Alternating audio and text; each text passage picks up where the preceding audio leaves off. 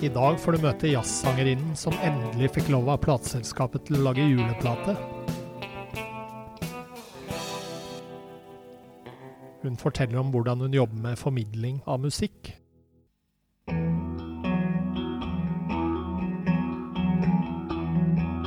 Og vår andre gjest har spilt både komedie og tragedie som skuespiller. Hun er svært opptatt av fortellerkunst og klovning som kunstform.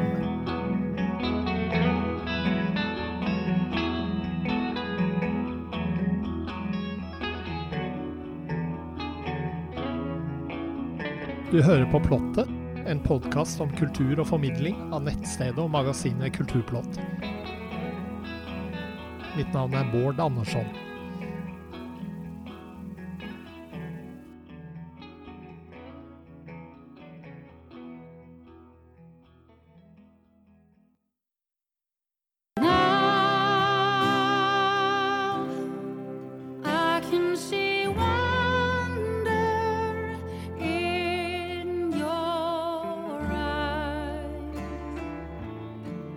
Vi hører litt av Rebecca Bakkens 'Wonder In Your Eyes' fra hennes juleplate.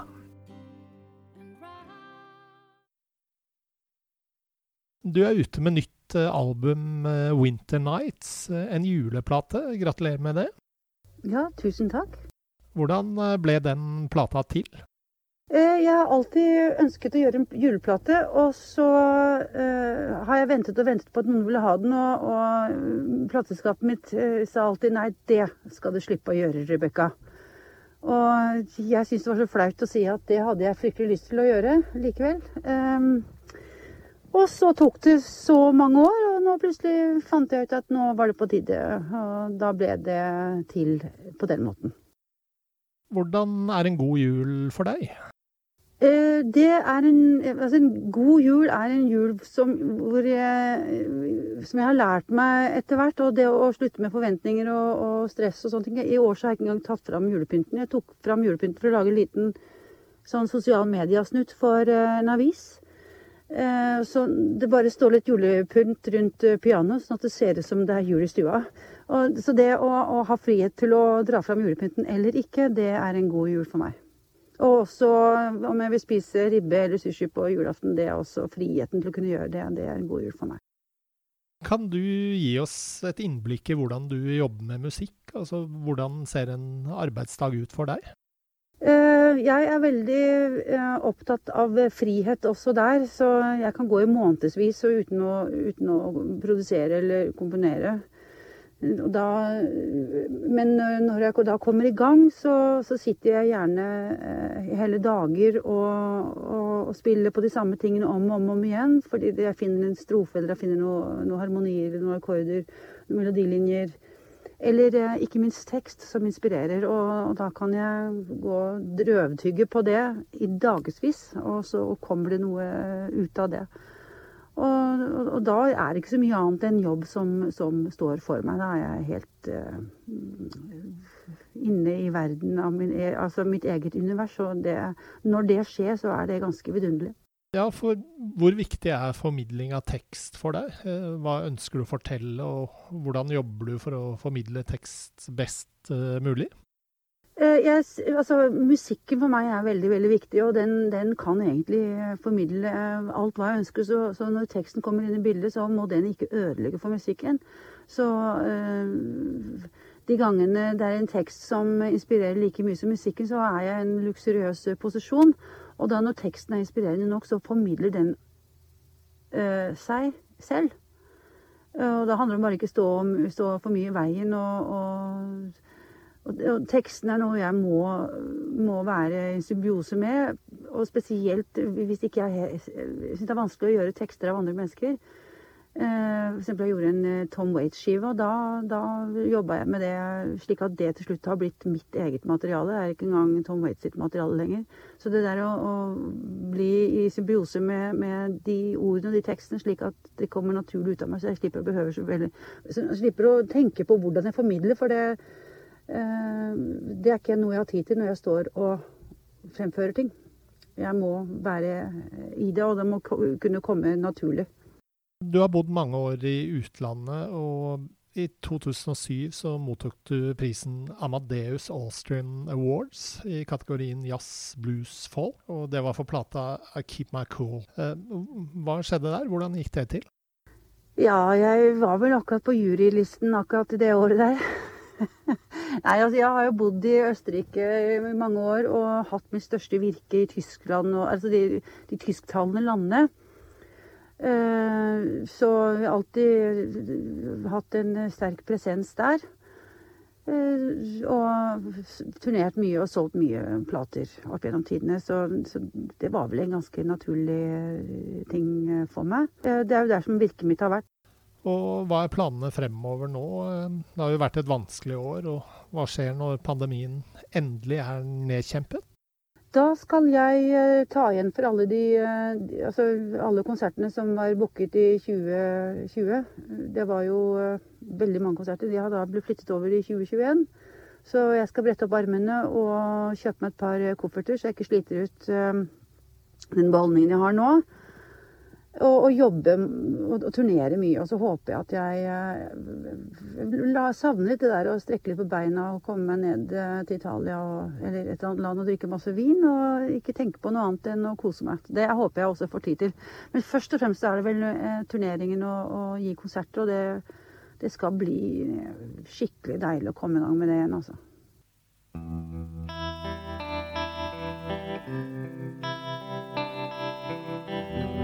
Karen Høie er tekstforfatter, skuespiller, figurspiller og forteller.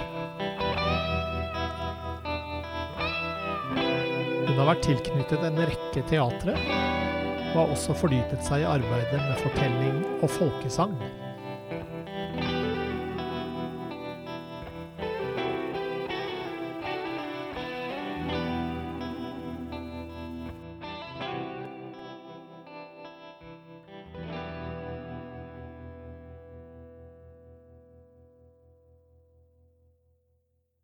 Hvorfor er eh, fortellinger så viktig for deg? Men fortellinger, jeg tror fortellinger er viktig for alle.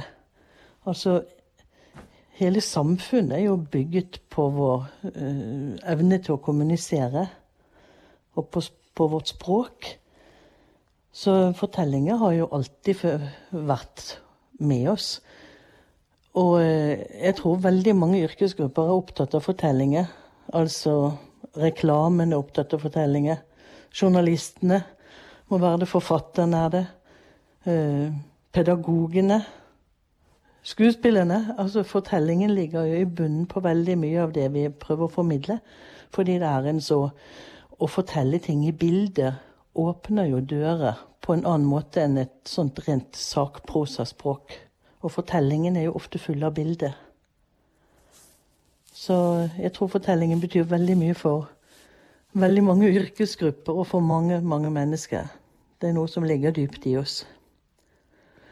Altså jeg tenker på, Skal du forklare f.eks. For barn om empati Ja, empati det er å, ja, å kunne sette seg inn i en annen persons sted og så videre. Så begynner man å forklare.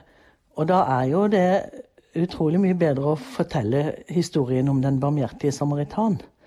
Altså Enten man er religiøs eller ikke, så er jo det en fantastisk fortelling. Som går rett inn i kjernen av hva empati er. Så å uttrykke seg i bilder, det er noe som sitter dypere i oss. På en eller annen måte. Vi husker det bedre. Du er jo både tekstforfatter, skuespiller, figurspiller og forteller. Eh, Så har du spilt både komedie, tragedie og figurteater. Men jeg bet meg merke i at du har vært opptatt av klovning som kunstform. Kan du ikke fortelle litt om det? Jo, ja, klovning. Når du møter en god klovn, så er jo det en, også en helt fantastisk om, eh, fortelling om mennesket i verden. For klovnen jo, opplever jo verden nesten som barnet. For bare klovnen tar inn små, små detaljer og får oss til å stoppe ved detaljene og, og se miraklet i, i en bitte liten ting. Det kan være første gang klovnen opplever en ball eller en stein. og stopper opp ved det og ser på den gjenstanden og bare undrer seg over den og få publikum til å undre seg over den. Nå snakker jeg mest om teaterklovnen, da. Eh, og det, den fortellingen om mennesket i verden som Altså, mennesker kommer inn i en verden som er stor og kanskje fremmed og for noen litt skremmende, men også fylt av glede og oppdagelser. Og denne nysgjerrigheten til klovnen, den åpner verden litt for oss. Det kan være uten ord det at det er en svær fortelling.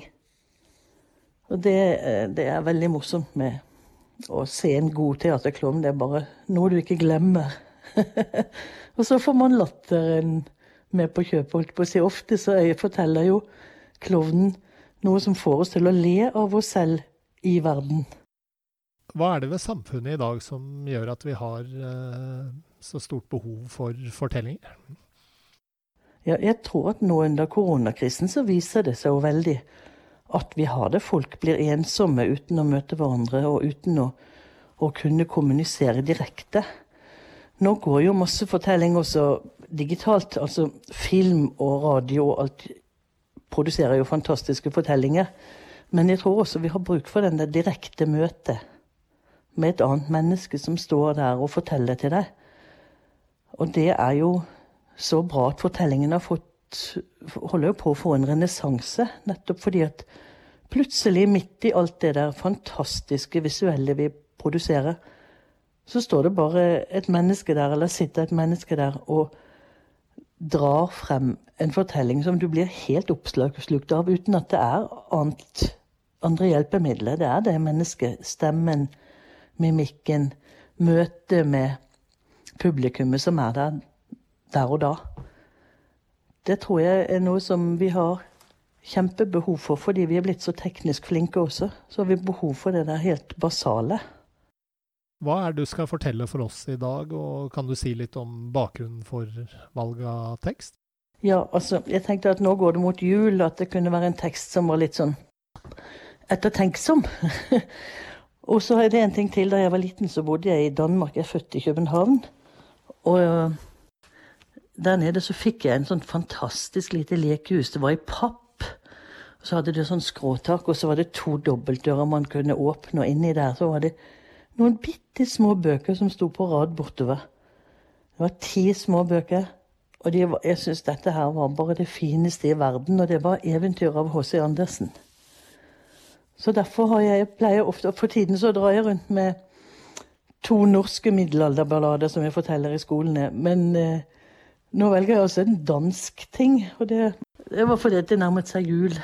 Så selv om den ikke handler om julen i det hele tatt, så var det, det er et eventyr som kan passe både for barn og voksne.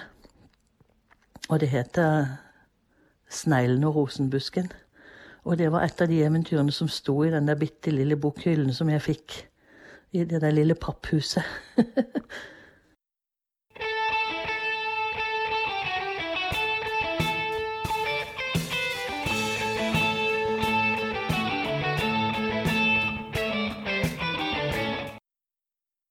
Og da skal vi til en hage. Og det er en vakker hage utenfor et gammelt trehus. Og i det huset bor det mennesker. Men det er ikke dem vi skal fortelle om nå. Det er et gjerde rundt hagen. Ikke et plankegjerde eller gjerde av netting eller piggtråd eller noe sånt. Nei, gjerder av nøttebusker. Og utenfor er det mark og eng så langt øyet rekker. Solen skinner, bekken går i engen, himmelen er blå og vid, og midt i denne hagen står en blomstrende rosenbusk.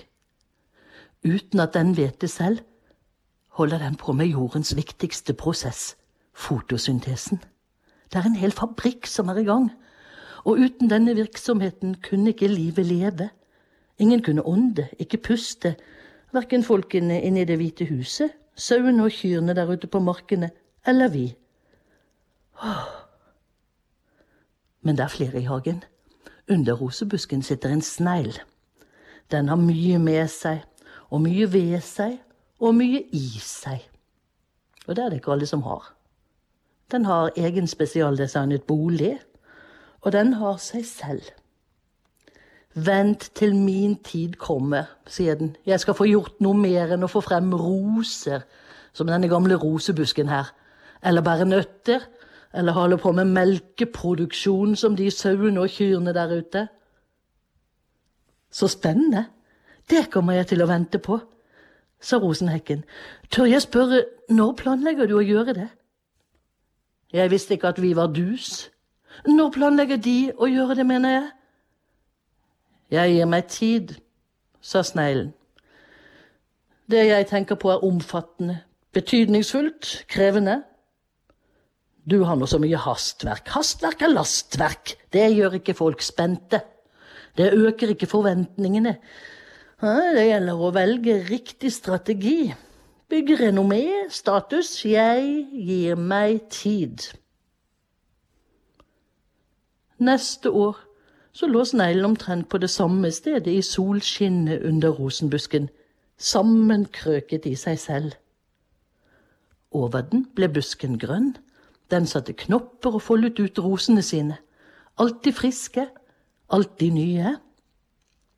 Og omsider krøp sneglen også frem, halvt frem, strakte ut følehornene sine og tok dem til seg igjen. Åh, alt ser ut som i fjor. Null fremgang. Her har det ikke skjedd noe. Ingen nyskapende virksomheter er satt i gang. Rosebusken holder på med de samme gamle rosene sine. Nøttene er på plass, ser jeg. Sauene og kyrne. Å, ja, ja, lenger kommer de ikke. Det går i det samme. Sommeren gikk. Høsten kom, og høsten gikk.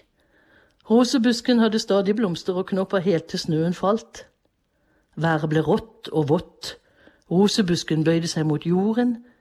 Sneglen krøp i jorden, og vinteren la det hvite teppet sitt over mark og eng, over det hvite huset, og over hagen med nøttegjerdet, over sneglen og rosenbusken. Så begynte et nytt år. Solen steg høyere på himmelen. Snøen smeltet, gresset spirte, rosene kom frem, og sneglen kom frem. Åhå, du er blitt gammel, sa den. Herregud, så gammel du ser ut.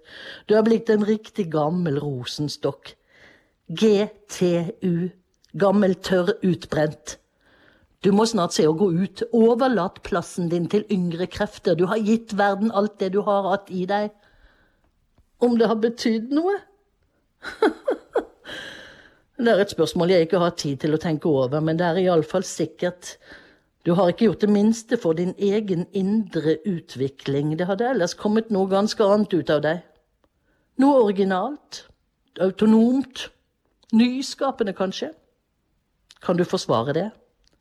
Det er snart bare pinner igjen av deg. Du er en oldtidssak. Forstår du hva jeg sier? Det har jeg aldri tenkt over, svarte rosebusken. Nei, intellektuell virksomhet har nok aldri stått høyt på dagsorden her, sa sneglen. Har du noen gang gjort det klart for deg selv hvorfor du blomstret? Og hvordan det gikk til at du blomstret? Hvorfor? Og ikke annerledes? Du har hørt om de fem h-ene. Hvem, hva, hvor, hvorfor, hvordan? Man bør gjøre rede for seg selv hvorfor man blomstrer, og hvordan det går til at man blomstrer. Hvorfor man blomstrer på akkurat den og den måten, og ikke på en annen måte. Men jeg blomstret i glede, for jeg kunne ikke annet. Solen var så varm, luften så frisk. Jeg drakk den klare duggen og det sterke regnet. Jeg åndet, jeg pustet, jeg levde. Ja, fra jorden kom det en kraft oppi meg. Luften ga meg styrke, og jeg følte en lykke. Alltid ny, alltid stor. Derfor måtte jeg alltid blomstre. Det var det som var livet mitt. Jeg kunne ikke annet. Det var sikkert ikke nok, men Du har ført et meget makelig liv. Ja, ja, det er sant. Jeg har fått alt. Men de, herr Snegl, de er jo en tenker. En av disse med dypsindig natur, og så høyt begavet, med en kapasitet som gjør at de kommer til å forbause verden, ja, være med å forandre den. Det har jeg aldeles ikke tenkt, sa sneglen. Verden. Hva er verden? Full av uvedkommende. Jeg bryr meg ikke om verden, den duger ikke, jeg spytter på den. Hva har jeg med verden å gjøre? Jeg har nok med meg selv, har jeg sagt, og nok i meg selv. Men skulle vi ikke alle her på jorden gi den beste delen av oss selv til de andre? Komme med vår del? Jeg vet at jeg bare har gitt roser, men de, de som fikk så mye, hva, hva ga de verden? Og hva gir de den? Hva jeg ga og hva jeg gir, for et spørsmål. Verden kommer ikke meg ved, jeg bryr meg ikke, jeg har nok med meg selv og nok i meg selv. Bare hold på med rosene dine, du, og la hasselbusken komme med nøttene sine, og sauene og kyrne drive med den evinnelige melken sin. Det ser ut til at de har vært sitt publikum. Jeg har mitt i meg selv. Jeg går inn i meg selv, og der blir jeg. Verden bryr meg ikke om. Og så gikk sneglen inn i huset sitt og kittet det til. Det er så sørgelig, sa rosebusken, for jeg kan med beste vilje ikke krype inn, jeg må alltid springe ut, springe ut i roser, og bladene mine faller av, de fyker bort i vinden. Men en av rosene mine fikk plass ved hjertet til en ung, vakker jente, og hun holdt hånden over rosen min og sang. Min elsk er lik ei roserhaug. Jeg ble så glad. Og en dag kom en liten gutt løpende, han boret nesen ned i blomstene mine og lo høyt. Og jeg så at moren i Det hvite huset her knakk av en rose og la den i salmeboken sin. Den yndigste rose er funnen blant stiveste tone og brunnen. Minne. Det er gode minner. Det, det er det jeg har. Erindringen. Det er livet mitt. Og rosebusken blomstret i uskyldighet, og sneglen dvasket rundt i huset sitt, verden brød han seg ikke om. Sommeren gikk, høsten kom og høsten gikk, vår fulgte på vinter, og årene gikk. Sneglen var jord i jorden, rosebusken var jord i jorden, nøttene var spist opp, og nye folk hadde flyttet inn i Det hvite huset. Til og med den rosen i salmeboken hadde smuldret opp. Men hagen var ennå full av virksomhet. I hagen vokste nye rosenbusker, og i hagen vokste nye snegler. De krøp inn i husene sine, spyttet, verden brød de seg ikke om. Skal jeg fortelle historien om igjen? Den blir ikke annerledes.